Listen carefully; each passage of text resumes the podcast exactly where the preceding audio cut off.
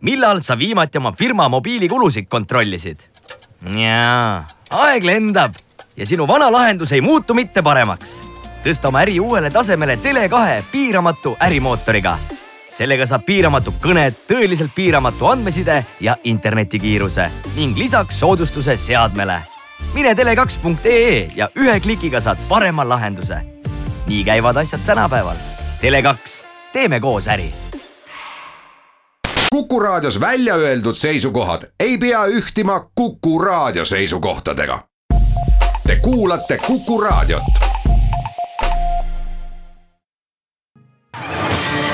majandusruum. tere, head raadio Kuku kuulajad. eetris on saade Majandusruum ja stuudios ajakirjanikud Reet Pärgma ja Harri Tuul. nagu ikka, jaguneb meie saade kahte ossa esimeses räägime sellistest põletavatest majandus- ja ettevõtlusuudistest ja, ja saate teises pooles on meil külaline. erandkorras on seekord äh, see saate teine lõik äh, salvestatud ja meil oli külas Coop Eesti Keskühistu juhatuse esimees Jaanus Vihand, kes rääkis väga huvitavat juttu, nii et soovitan kindlasti äh, mitte raadiojaama vahetada. aga alustame ikkagi jätkuvalt sellisest kõige kuumemast teemast, ehk siis energeetikast, Eesti Energiast, Virumaast ja, ja kõigest sellest, et eile, Reet, käisid ise ka Virumaal äh, ringi vaatamas, et äh, mis toimub? Nojah, eile me käisime äh, Auvere elektrijaamas äh,, kus meile siis tutvustati rehvidest äh, põlevkiviõli tootmist, et äh, ja selle käigus me saime ka rääkida nii-öelda kohalike Eesti Energia töötajatega et no tunda on kindlasti seda, et äh, olukord on ärev. et äh, energeetikud ja töötajad, äh, noh, nad nii-öelda, nad kardavad ja seda, see uudis sundpuhkustest, kus tuhat kolmsada Eesti Energia töötajat saadetakse siis siin suve keskpaigus sundpuhkustele, see siis tekitab väga palju sellist nii-öelda hirmu töötajate seas. et noh, näha on ka seda, et töötajad arvavad, et need numbrid, mida on välja käidud nii koondatute kui sundpuhkustele saadetute osas, nad arvavad, et need on valed, et tegelikult need numbrid on oluliselt suuremad no muidugi väike lohutus tuli ka eile õhtul, kui ametiühingute esindajad kohtusid Eesti Energia äh, juhatuse esimehe Hando Sutteri ja rahandusminister Martin Helmega. et äh, täna hommikul küsisin üle ja, ja neile oli kinnitatud, et suuri koondamisi rohkem ei tule. et vähemalt selle aasta jooksul hoitakse neid ära et see on siis seotud selle nii-öelda plaaniga hoida neid töötajaid reservis, ehk siis äh, maksta peale äh, ka siis, kui nad või noh, maksta palka ka siis, kui nad tööd otseselt ei tee. Et aga nojah, meeleolud on, on sellised, äh, on sellised natukene ärevad, et äh, tegemist on ikkagi inimestega, kes, kes saavad äh, piirkonnas väga kõrget palka, et need palgad jäävad kuhugi tuhande seitsmesaja, tuhande kaheksasaja euro bruto kanti ja, ja töö kaotamine äh, sellise palga peal on, on väga suur šokk ja samamoodi noh, nagu probleemina on välja toodud, et äh, need töötajad ei oska, äh, neil puudub eesti keele oskus. mistõttu uue ametikoha leidmine või võib tekitada raskusi. et noh, mõned mehed ütlesid ka, et noh, et, et, et Tartu seda tselluloositehast ei tahtnud, et tulge ja ehitage see siis meile, et noh, me lähme tööle, et me, meil on seda töökohta vaja, et. et hea küll, et see tartlased ei taha seda, seda saastet, et me noh, me võtame selle avasüli vastu jah, no mis saaste sealt tuli, ega seda me tegelikult ja, teada ei saanudki, kuna ja. mingit ühtegi uuringut ka ei tehtud, aga. aga jah, et võib-olla täpsustaks üle, et siis, et äh, need numbrid ka, et äh, kui kuulajal on meelest ära läinud, et kusagil vist sellel aasta esimene nelja kuuga on tegelikult juba ligi viissada inimest äh, koondatud ära ja tuhat kolmsada lisaks sellele saadeti sundpuhkusele ja oli hirm või kartus, et nendest ka veel suur osa koondatakse. tõsi, need, need, kes nii-öelda esimese nelja kuu koondati, seal oli ka palju selliseid eelpensionäre ja eakamaid inimesi, et, et. et neil oli see nii-öelda üleminek natuke sujuvam ja, ja, ja aga just nende nooremate inimestega, et nendega oleks tõenäoliselt tek-, tekiks suuremad probleemid. ja, ja teine number, mida kindlasti tasuks äh, võib-olla võrdluseks tuua. et see tuhande seitsmesaja, tuhande kaheksasaja eurone palk, see on umbes kahekordne maakonna keskmine, et mm -hmm. Viru, Ida-Virumaa keskmine seal Narvas ja seal on kusagil natukene ühe, üle üheksasaja euro, et, et, et see on Eesti ongi vist kõige madalam äh, palk Eestis, et mm. -hmm. et noh, võrdluseks Tallinnas keskmine palk on kuskil tuhat nelisada, tuhat viissada eurot juba, et mm. -hmm. et, et, ähm, et see tõesti on väga valus, et aga kohal olid ju ka minister ja ehk siis Eesti Energia tegelikult äh, allub rahandusministrile, mitte majandusministrile yeah.. et ja, ja ka ettevõtte juht Sutter, et mis nemad rääkisid? No äh, ettevõtte juht Hando Sutter rääkis seda, mis ta on alati rääkinud, et süüdi on äh, nii-öelda see turumoonutused, mille all siis peetakse seda Vene elektri osakaalu, mis äh, tema sõnul tõmbab siis Nord Pooli börsil elektri hinna alla ja mistõttu siis Eesti Energia ei saa põlevkivielektrit nii palju toota noh, põhjuseks on siis nimelt see tema sõnul, et Eesti maksab CO2 kvoote, Venemaa ei pea maksma. et neil ei lähe see nii-öelda hinnaarvestusse juurde ja seetõttu noh, seda öeldakse, et see on turumoonutus. nüüd, kui palju ta reaalselt seda hinda moonutab, selles osas on, jäävad infod ikka väga lahtiseks, sest et äh, Elering on ju välja öelnud, et see moonutus on võib-olla viis protsenti, isegi kui seda Vene elektrit ei oleks, siis ikkagi kuna põlevkivielektrist äh, tuleb nii palju seda CO2, siis äh, nende hind oleks nagunii liiga kõrge. et, et nii-öelda turule pääseda et eh, tema rääkis siis seda. Eh, rahandusminister Martin Helme mm, rääkis, et eh, noh praegu kõige olulisem sõnum on see, et, et me, me peame, me peame, Eesti peab olema riik, mis suudab iseennast elektriga varustada. ja, ja ta rääkis ka sellest, et tuleb leida nii-öelda alternatiivseid lahendusi põlevkivi elektrile ja kui ma küsisin talt, et noh, et nende lahendustena on ju välja, välja pakutud ka tuumajaama, siis ta ütles, et seda võib tõesti kaaluda. et just emotsioonitult ja, ja vaadata, et, et, et kas see investeering oleks siis seda väärt no ma võib-olla tooks sisse sellise teema, et mida võib-olla ei räägita, et või mis on natuke kaduma läinud võib-olla ka meie vestluses, et ega see nüüd põlevkivist elektri tootmine täielikult ära ei lõpetata, et kolm plokki, uuemat mhm. plokki mm -hmm. jäävad alles. ja tegelikult need vanad plokid, mis nüüd nii-öelda kinni pandi või mis seisavad tegelikult, sest nad on väga saastavad. Nende sulgemine oli plaanis niikuinii lihtsalt äh, selle CO2 kvoodi väga järsu tõusu tõttu või selle CO2 kvoodi hinna väga järsu tõusu tõttu tuli seda lihtsalt ennaktempos teha mm. -hmm. ehk siis ega põlevkivist elektri tootmine tegelikult Eestis ära ei kao ja kui me räägime siin varustuskindlusest või mingist asjast, et äh, siis ka jätkuvalt ka edaspidi ilma igasuguste investeeringuteta toodetakse Eestis põlevkivist elektrit edasi, et. et see on natukene võib-olla nagu jäänud tähelepanuta või, või fookusest välja, aga see äh, kusagil seitsesada vist megavatt-tundi või ühesõnaga kolmes plokis see, see kõik jätkub ja teine asi, mis mul tekkis nüüd sinu juttu kuulates, et, äh, et kui tõesti minister ja juhtkond kinnitasid, et et rohkem koondamisi ei tule ja inimesi hoitakse varus, siis varem välja öeldud, et see maksab umbes kümme kuni kakskümmend miljonit eurot et ähm, siis rahandusminister just äh, Martin Helme ise on öelnud seda. et kust see raha tuleb, kas see tuleb siis nüüd äh, Eesti Energia kasumi arvelt? no vot seda, see on ka veel lahtine, kustkohast see raha täpselt tuleb, et siin on mitu varianti, et üks variant ongi siis see, et Eesti Energiast võetakse vähem dividendi välja et, äh, et see on siis nagu see üks variant, teine variant on see, et see tuleb elektriarvele lisaks et eh, eks siin, ega siin rohkem mm, nii-öelda. aga kuidas see saab, kuidas see saab tulla, jah, ütleme niimoodi, ma ei tea, kuidas need variandid eh, on seal kaalutud, et kui meil on vaba turg, eks ole, elektri hind tekib börsil, et miks ma peaksin rohkem maksma? jah, no see on hea küsimus jah et jah, et see, see on veel lahtine, et kuidas seda, kuidas see täpselt see rahastus hakkab peale, et noh, ma ise arvan küll, et nad pigem võtavad selle dividendide äh,, dividendi arvelt välja et aga jah, kuskil kümme kuni viisteist miljonit see maksma läheb. et, et lihtsalt hoida inimesi reservis. majandusruum hakkame saatega stuudios ajakirjanikud Harri Tuul ja Reet Pärgma ja rääkisime siin just Eesti Energiast, et. Et tooks veel ühe nurga välja, et ühelt poolt on ju kriis Eesti Energias, et äh, võib öelda niimoodi, et või vähemalt on avalikkusest läbi kostnud, et paljud inimesed on kas koondatud või sundpuhkusele saadetud, et. et samas, kui me vaatame Eesti Energiat kui ettevõtet, ega siis Eesti et, tal nüüd väga halvasti ka ei lähe, et vaatame näiteks esimese kvartali tulemusi, siis äh, müügitulu kasvas äh, peaaegu veerandi võrra ja, ja ka kulumieelne ärikasum äh, kasvas peaaegu kümme protsenti aasta varasemaga võrreldes.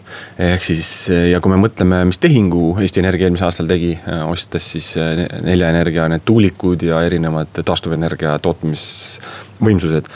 et siis ettevõte ise areneb justkui nagu õiges suunas, et mm osa põlevkivi tootmine jätkub ka, põlevkivielektri tootmine. aga vaadatakse, üks on see taastuvenergia pool ja teine on ju, tuli ka eile, oli just põlevkivi õli tootmise aruanne ilmus, et jällegi Eesti rekord, läbi aegade kõige rekord õlitoot-, põlevkivi õli tootmises, et seal oli ka Eesti Energial. tõsi, Eesti, Eestis on kõige suurem õlitootja on ikkagi VKG aga Eesti Energia on seal kohe kannul ja on ka rekordkogust õli tootmas, ehk siis siukseid kasumlikke tegevusi tegevused jätkuvad, et äh, pigem äh, seal ongi küsimus, äh, et nii suur, suure hulga inimeste puhul ei ole küsimus mitte sel-, on, ongi peamine küsimus selles, et on sotsiaalne küsimus, mis nendest inimestest saab ja teine on julgeoleku küsimus, et. jällegi, aga ta on ikkagi peamiselt seotud nende, nende inimestega, et küsimus ei ole, et kas elekter Eestis saab otsa ja küsimus ei ole, kas see ettevõte läheb pankrotti, neid küsimusi mm -hmm. ei ole, et ettevõttel mm -hmm. läheb hästi. Eesti varustuskindlus on olemas, ka Eesti, ka põlevkivist toodetakse jätkuvalt elektrit. aga küsimus on just, et mis nendest inimestest saab ja, ja ma arvan, et siin siin peakski ikka töötukassad ja kõik need koostööd tegema ja, ja aga veel üks huvitav diskussioon, mis ilmselt nüüd jälle tuule tiibadesse saab, on ilmselt just see, see sinu küsimus, Reet, mis sa Martin Helmelt küsisid just tuumajaama kohta et kunagi oli ju see siin kümmekond aastat tagasi oli see üsna kuum teema. et oli mitu varianti laual, üks variant oli äh, äh, koos leedukatega ehitada, eks ole, Ignalinasse ja omada seal osalust.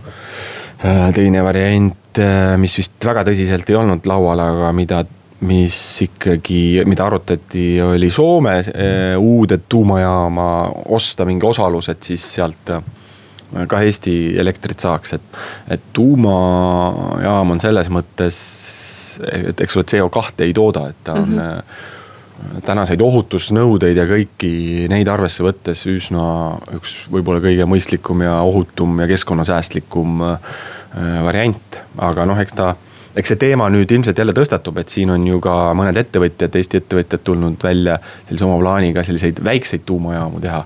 aga eks sellest äh, ilmselt siis ma lisan siia korraks juurde, et, et jah, et Eesti Energia eesmärk ongi vähendada seda põlevkivielektri osakaalu ja minna üle siis taastuvenergiale ja siis põlevkiviõli tootmisele, et seetõttu käivad ka praegu need läbirääkimised uue või noh, teise põlevkiviõlijaama ehitamiseks, et. no muidugi selleks läheb paar, paar aastat aega, aga, aga plaan on olemas. et praegune see Enefit äh, kakssada kaheksakümmend töötab väga hästi. jah, aga läheme nüüd äh, jah, võib-olla üllatava ja samas ka väga oodatud teema juurde, et äh, seos jällegi äh, riigiga. nimelt äh, eile siis teatas rahandusministeerium, et riigikassa on müünud nüüd rahavoo juhtimiseks kahesaja miljoni euro väärtuses lühiajalisi võlakirju, et, et siis need laias laastus jagunevad kaheks. ühed on poole aasta, pooleks aastaks sada miljonit ja sada miljonit siis aastas, aastase tähtajaga ja ja noh, äh, miks ta on üllatus, on selles mõttes, et äh, viimased seitseteist aastat vähemalt ei ole ühtegi võlakirja Eesti Vabariik välja lasknud. teiseks on, ütleme näiteks Euroopa Keskpanga rahatrükk, mis on olnud just, mille mõte on olnud sellise majanduste elavdamine ja nii edasi Äh, on kest-, on juba läbi saanud, on, kestis kuskil siin neli aastat, äh, mille eest muuhulgas Eesti Pank, meie enda keskpank ostis võlakirju äh, turgudelt, sealhulgas noh, kaudselt toetades Soome majandust, Läti majandust ja teiste riikide majandusi. et, et see on kaudselt Eestile kindlasti kasulik selles mõttes, et et kui need riigid äh, on edukad, et siis nad ostavad tõenäoliselt meilt kaupu ja, ja kaubavahetus äh, paraneb, aga ütleme, me ise sellest väga palju äh, kasu ei saanud, et nüüd, kui see rahatrükk läbi on, et siis, siis ähm, tulid võlakirjad välja.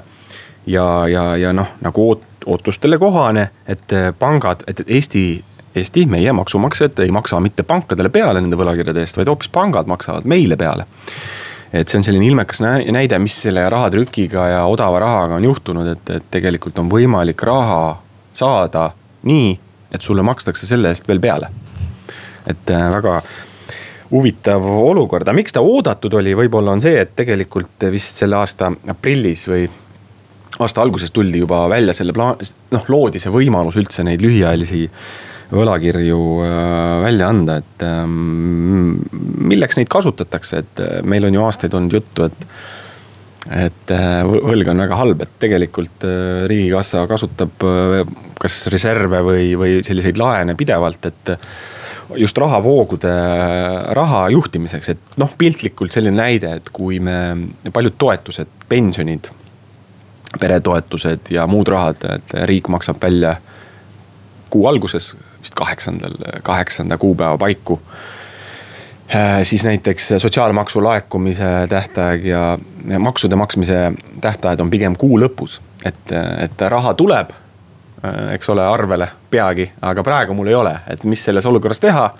noh, saabki näiteks äh, emiteerida võlakirja, et, et siis on sul kontol on raha olemas ja pangad maksavad veel raha peale, et noh, mis võiks olla veel, veel ilusam, et, et jah ja ma rääkisin, ma rääkisin ka äh, Tallinna börsijuhi äh, Just. Kaarel Otsaga, kes ka tõstatas selle võlakirjade küsimuse ja ütleski, soovitas valitsusele, et minge siis ajalukku esimese valitsusena, kes hakkab riigi võlakirju välja andma. et tema sidus selle ka selle teise pensionisamba vabatahtlikuks muutmisega, et ta ütleski, et see on nagu noh, et tore, et meil tulevad ettevõtted küll börsile, tore, et tuleb Coop Pank börsile. tore, et räägitakse ka siin äh, vaikselt selle Enefit Greeni börsile tulemisest, aga tegelikult peaks riik just võtma ohjad kätte. ja, ja, ja toomagi börsile siis äh, kas riigi võlakirjad või siis äh, erastamagi rohkemad äh, riigiettevõtted, et, et vastasel juhul lihtsalt see inimeste finantskirjaoskus ei tõuse. et, et meil on vaja hea kommunikatsiooniga äh, nii-öelda populaarset äh, aktsiat, jah, ja või siis võlakirja, nagu seda näiteks oli Tallinna Sadam, mis, kus siis oli neliteist tuhat jaeinvestorit, et kohe oli näha seda hüppelist tõusu, et inimeste huvi, et noh kasvas. et äh, tema siin panigi välja, et kuule, et see võlakirjade küsimus on juba sihuke äh, habemega nali, et äh, negatiivsed intressimäärad magasime maha et nüüd siis tulekski tema, noh, ta soovitaski, et tehagi näiteks selline suunatud Eesti inimestele mõeldud viis raha kaasa või noh, nii-öelda raha paigutada. et, et, et tulebki nagu noh, nii-öelda luua instrument, mis oleks siis variant sellele, kuidas hiljem oma pensionit kindlustada, et see äh, Helir, Helir, Helir-Valdor Seederi jutt, et investeeritakse teise pensionisamba raha lastesse ja kinnisvarasse, et see on nagu tore et sinna noh, nagu Ots ütles, võiks juurde lisada kaunid kunstid ja kulla. aga reaalsuses ongi vaja mingit noh, päris asja, kuhu siis nii-öelda oma sääste paigutada. jah, noh nendesse mis nüüd äh, lühiajaliste võlakirjadesse said ainult pangad panna ja, ja need, nad selles mõttes tegelikult maksavad küll väikest äh, intressi riigile peale, kuid äh, noh, näiteks kui nad hoiaks seda Eesti Panga hoiustel, siis nad peaksid veel suuremat intressi peale maksma. et eks ähm, viimati jah, Eesti võttiski kahe tuhande teise aastal emiteeris võlakirju saja miljoni eest ja siis äh, äh, maksis tagasi mingeid teisi laene ja kaugseire radarisüsteemi ostis ja politsei monitooringukeskuse ka. aga sellel teemal me rohkem praegu ei jõuagi rääkida. Teeme väikese pausi ja siis jätkame juba intervjuuga ja külalisega. majandusruum jätkame saatega, stuudios ajakirjanikud Reet Pärgma ja Harri Tuul ning äh, meile on külla tulnud Coop Eesti Keskühistu juhatuse esimees äh, Jaanus Vihand, et äh, kuulajatele teadmiseks, et oleme selle intervjuu salvestanud tund aega varem, kui see eetrisse läheb, et. noh, üks ajend, miks me teid siia kutsusime, et eile oli eile teatas Coop, et siis just viib panga lähi, selle veel sel aastal börsile et kas, kuidas siis on, et kas see panga omandamine on end kuhjaga ära tasunud? jah, kõigepealt tere ka minu poolt kõigile ja kui nüüd täpsustada, siis see vist küll oli juba üleeile, kuigi aeg läheb väga kiiresti aga täna on meil kolmapäev ja, ja see teade tuli esmaspäeval. ja kas pank on ennast kuhjaga ära tasunud, siis jah, pank on täitnud meie ootusi, see on, see on kindel. Äh, kuid noh, kuidas selle kohta öeldakse, süües kasvab isu ja me oleme, me oleme näinud, et võimalusi panga arenguks on veel rohkem ja see on ka üks põhjus, miks me börsile tahame minna, et neid võimalusi rohkem ära kasutada, kasutada ära seda soodsat hetke majanduses, tarbijate peades ja ka panganduses, mis tekkinud on, et, et siis saada täiendav selline kiirendus sisse. kas ma saan, sain sellest õigesti aru, et Coopi osalus Coop pangas jääb äh jääb alles samale, jääb enamus osalus jääb alles. ja Coop jääb ikkagi enamusosanikuks, see on selge. Äh, mis see protsent pärast täpselt tulema hakkab, see selgub, sest noh, tänasel hetkel nagu me oleme ka siin põiklevalt kogu aeg vastanud ajakirjanike küsimustele, pole ju ka see IPO maht veel täpselt selge ja nii et. Need lõplikud protsendid on kõik veel selgumises, aga, aga see on jah selge, et Coop on strateegiline omanik, ta on algsest, algselt saadik plaaninud seda olla, olla ja jääda strateegiliseks omanikuks ja. ja vähemalt nähtavas tulevikus ta ka seda jääb mm. -hmm. Ma saan aru, et üks ajend, miks, miks tahate minna börsile, on selleks, et kaasada, kaasata siis raha äh, tegevusmahtude suurendamiseks.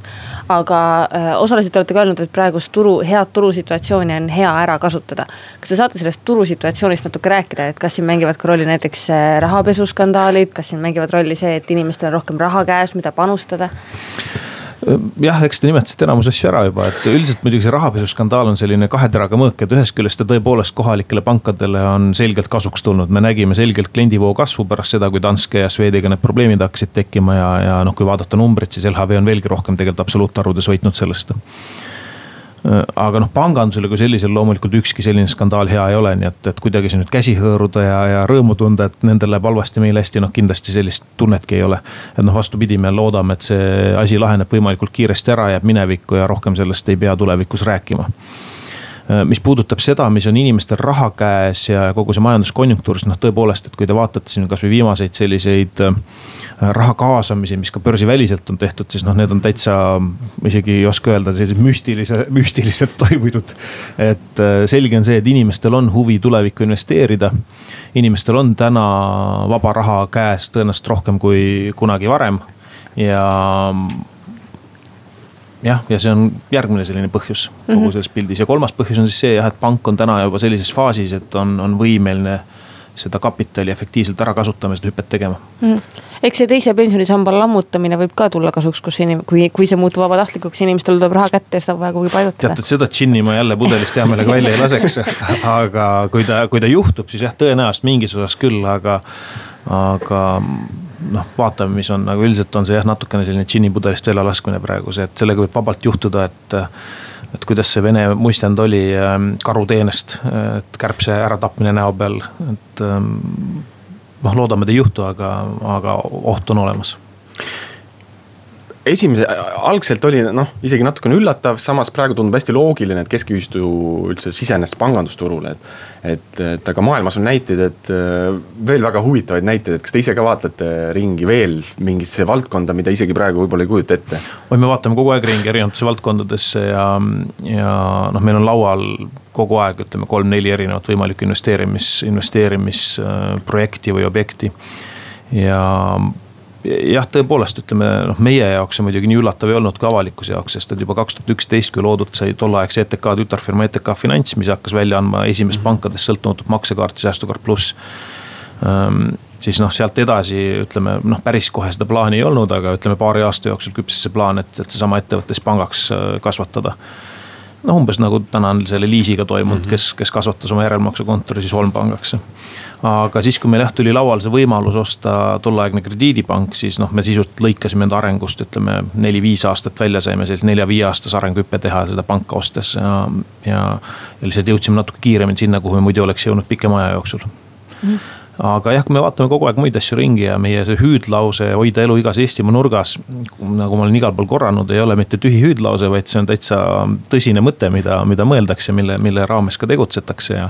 ja me täitsa tõsiselt kaalume ja vaatame, et, et mis on need eluaspektid, mis on puudu erinevates Eesti kohtades, maakohtades.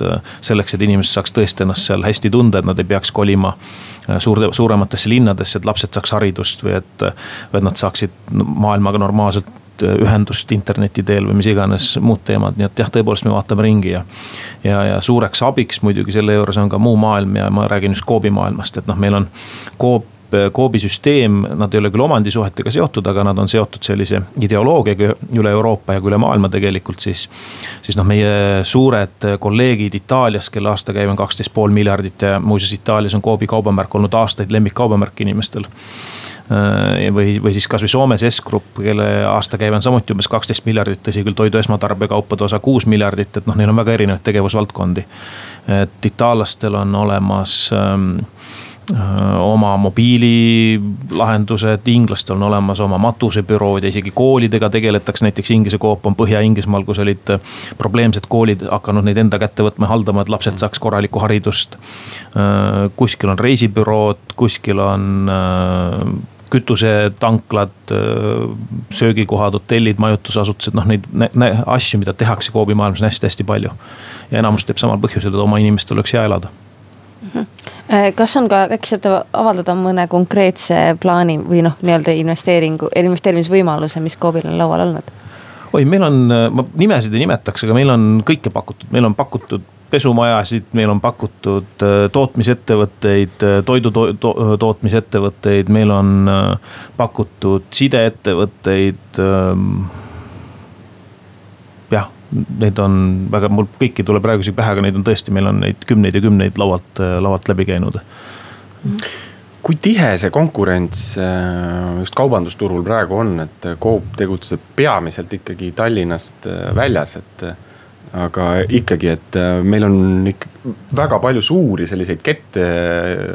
et ähm, mõnikord isegi paneb imestama, et kuidas nii paljud saavad siin nii väikesel turul tegutseda jah, eks ega see, ega see lihtne ei ole selles mõttes, et konkurents on väga kõva, aga noh, ma arvan, et see on tegelikult väga hea, see paneb rohkem pingutama ja me näeme ka Eestis, kuidas tegelikult pingutatakse, et. Ähm, et ja me näeme teistpidi panganduses, kuidas võib-olla vahepeal see konkurents ei olnud nii tugev, aga ei viitsitud nii palju pingutada noh, meil läheb selles mõttes tõesti praegu väga hästi, et äh, tõepoolest me oleme kõige tugevamad Tallinnast väljaspool. Tallinn on meie kõige nõrgem koht, võiks isegi niimoodi öelda, aga see ajas vaikselt paraneb kogu aeg. ja noh, kui me vaatame näiteks eelmine aasta kogu meie turu kasvu, äh, kogu jaeturu kasvu või selle toidu esmatarbekaupade jaeturu kasvu, kus me tegutseme. siis sellest peaaegu poole võttis Coop ära kogu mm. turu kasvust, nii et. kelle arvelt te seda turgu võtate eks me võtame konkurentide arvelt loomulikult, noh on ka, on ka turu kasv, loomulik turu kasv on ju, mis tuleb, aga me võtame konkurentide arvelt ja, ja noh, täna on, täna on selge, et, et mõned konkurendid on rohkem pihta saanud kui teised. Aga kes see kõige kõvem konkurent on, et kas see on? kõige kõvem konkurent, kes pihta on saanud või üldse kõige kõvem konkurent? nii seda kui teist. No ma arvan, et kõige rohkem on tegelikult pihta saanud äh, selline, sellised kauplejad, keda me kutsume nimetusega muud mm.. kõik üksiktegutsejad mm. ja, ja siuksed äh, mitteketistunud kauplusedest, noh nende, nende maht on päris korralikult pihta saanud ja neid kauplusi on ka päris palju kinni pandud. Ehm, samuti mõned suuremad konkurendid pihta saanud, et noh, see ei ole, see ei ole saladus, et Prismal ei ole kõige paremini viimastel aastatel läinud, ka Rimil ei ole kõige paremini viimastel aastatel läinud, et ka nemad on tugevalt turuosa kaotanud. ja, ja noh, kõige kõvem konkurent suuruse mõttes täna meil on äh, Maxima, kes on number kaks turul ja, ja number kolm on siis Selver, kes veel mõned aastad tagasi Rimist tagapool oli number neli, täna on ta number kolm ja kui vaadata nende eelmise aasta kasvusid, muidugi siis noh, kasvud olid mõlemal samasugused absoluutarvudes. Selveril protsentides küll natuke parem, kuna nende baas oli madalam, aga absoluutarvudes nad kasvasid sisuliselt sama palju. Viimase kolme aasta jooksul on Coop sulgenud ligikaudu kümme kauplust maapiirkondades. et nüüd on ju valitsusel plaanis, osaliselt on see siis äh, süüdi piirikaubandus, mida on räägitud. ja teiseks siis ka see, et inimesed lahkuvad maapiirkondadest.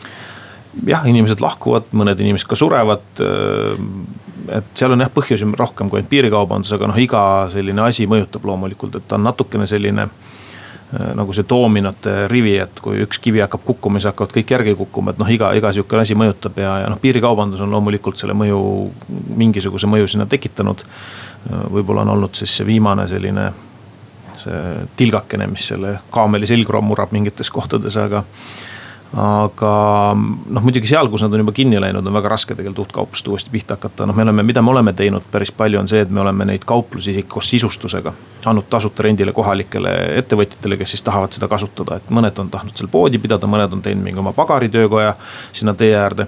et, et jah, me oleme andnud äh, lihtsalt selleks, et inimesed saaks katsetada, kes tahavad ja, ja mingit muud äri kasvõi alustada. kõik, kogu inventaar, kaupluse oleme tasuta rendile andnud mitte küll igal pool, aga seal, kus me oleme leidnud endale partnereid. ja, ja noh, pikemas vaates muidugi noh, ega see füüsilise kaupluse pidamine nüüd kohas, kus liiga palju inimesi ei ole, ega ta liiga jätkusuutlik ei ole, et noh, sellepärast me ka täna katsetame siin Tallinnas nende toidukappidega. ja erinevate nende e-lahendustega, et noh, tõenäoliselt ähm, jällegi, kui vaadata seda, et miks peaks, ütleme väiksemas kohas inimesel olema väiksem valik. ja tõenäoliselt ka teinekord natuke kallimate hindadega. kuna noh, see kulud seal on suuremad, äh, siis noh, minu nägemus on ikkagi see, et pikas perspektiivis võiks kõikidel inimestel üle Eesti olla tegelikult üks ja sama valik kättesaadav ja samasuguste hindadega aga teeme nüüd väikese pausi ja jätkame pärast seda. majandusruum. Jätkame saatega, stuudios ajakirjanikud Harri Tuul ja Reet Bergmann ning meil on külas äh, Coop Eesti Keskühistu juhatuse esimees äh, Jaanus Vihand. Äh, rääkisime just piirikaubandusest eelmises saatelõigus ja aga mul jäi konkurentsi poole pealt küsimata, et kas te Lidli, Lidli tulekut ka pelgate? ei, mis siin peljata selles mõttes, et hirm ei ole kunagi kedagi aidanud otseselt, et noh, selles mõttes, et väike ärevustunne on alati väga tervistav, paneb sind mõtlema, aga no hirm, hirm ju ei ole hirm ei ole väga selline asi, mis sind kuidagi nagu aitaks, nii et ei, me ei karda absoluutselt, küll me valmistume selleks. ja, ja eks me oleme uurinud nende tugevusi, seda, kuidas nad teistele turgudele on sisenenud ja, ja vaikselt valmistume selleks, et kui nad siia tulevad, et siis siis äh, vastata. kas Lidliga võib juhtuda ka nii, nagu juhtus selle Šoti bussifirmaga, et kes tahtis muuhulgas ka Eesti vallutada, aga kuna Eesti bussifirmad valmistusid nii hästi ette selleks äh,. nii Lux Express, Simple Express ja, ja Taistod ja kõik äh, rakendasid neid samu võtteid, mida see Šoti firma tegelikult kasutas, et siis ta pidi nii-öelda tagajalgadel lahkuma no seda on muidugi raske öelda, selles mõttes, et ma ju Lidli inimesi ei tunne ja ei tea nende täpseid plaane, aga kui, kui ma vaatan, mida nad teinud on ja kuidas teinud, siis ma arvan, selle Šoti firmaga, Šoti bussifirmaga võrreldes on natuke erinevad eesmärgid, et noh, tänasel päeval on Eesti ja Läti on kaks ainsat riiki Euroopa Liidus, kus Lidli kauplusi ei ole.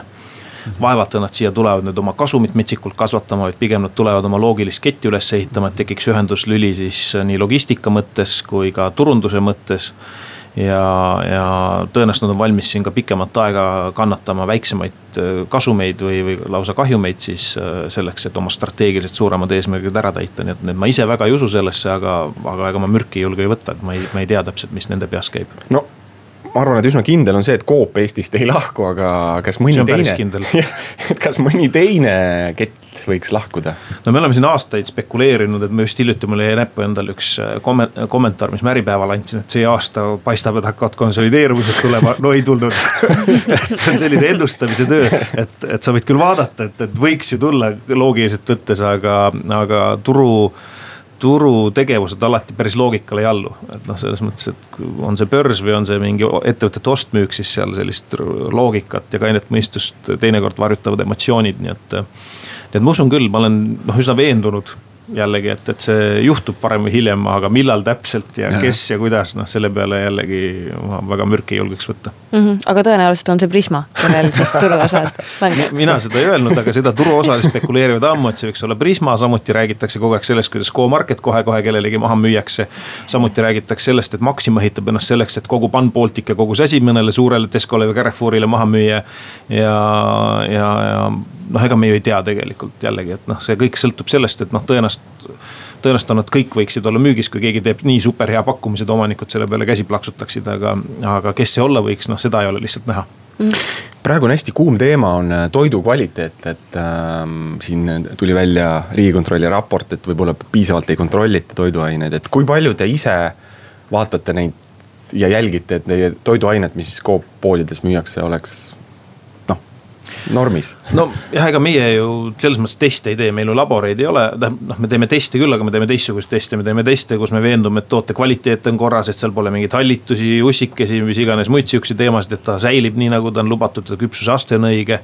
ja kõik muud teemad ja ta välimus on sobilik, aga noh, seda, et kui palju seal mingit keemiat sisse või peale pandud, neid teste me ei tee, selles osas me usaldame pabereid, mis meile kaasa antakse, sertifikaate, mis, mis ühte või teist asja ütlevad kas need paberid on äh, õiged või mitte, noh seda me ka ei kontrolli igapäevaselt, küll aga olen ma täiesti veendunud ka, et see probleem tegelikult liiga suur ei ole, et, et noh, kohati mõningaid asju kiputakse üle võimendama, et mul just paar päeva tagasi helistas üks äh, riskikapitalist äh,, kes küsis ka seal mingi ökotoitude ja muude teemade kohta. ja, ja siis ma ütlesin, et, et noh, minu arust on siin nagu kaks olulist asja, esimene asi on see, et tõepoolest, eestlased peavad Eesti toitu suhteliselt puhtaks ja, ja eelistavad võimalusel välismaisele toidule, kui hinnavahe väga suur ei ole ja kui hinnavahe on väga suur. noh, kui kõrvuti on näiteks luunjakurk või Hispaania kurk, hinnavahe on kahekordne, siis noh, enamus ikkagi võtab selle odavama kurgi, kui ta veel okei okay ka välja näeb aga mida inimesed ju teevad, on see, et nad pesevad kõiki neid asju ja õunu kooritakse ja noh, inimesed tegelikult nad ei ole nii rumalad, nad ei, nad ei oskaks arvestada selliste asjadega. aga jah, kui nüüd on tõesti sihukesed juhused, nagu seal lehest läbi käis, et mingi nelikümmend korda üle normi mingid asjad viinamarjadel, siis noh, see, see on jah tõesti see, mille peale juba tegelikult peaks kogu ahel käima minema, peaks see tootjat kõvasti raputama, kuni tootjalt tegelikult selle müügiloa äravõtmiseni. aga noh, seda jälle meie, meie ei tee.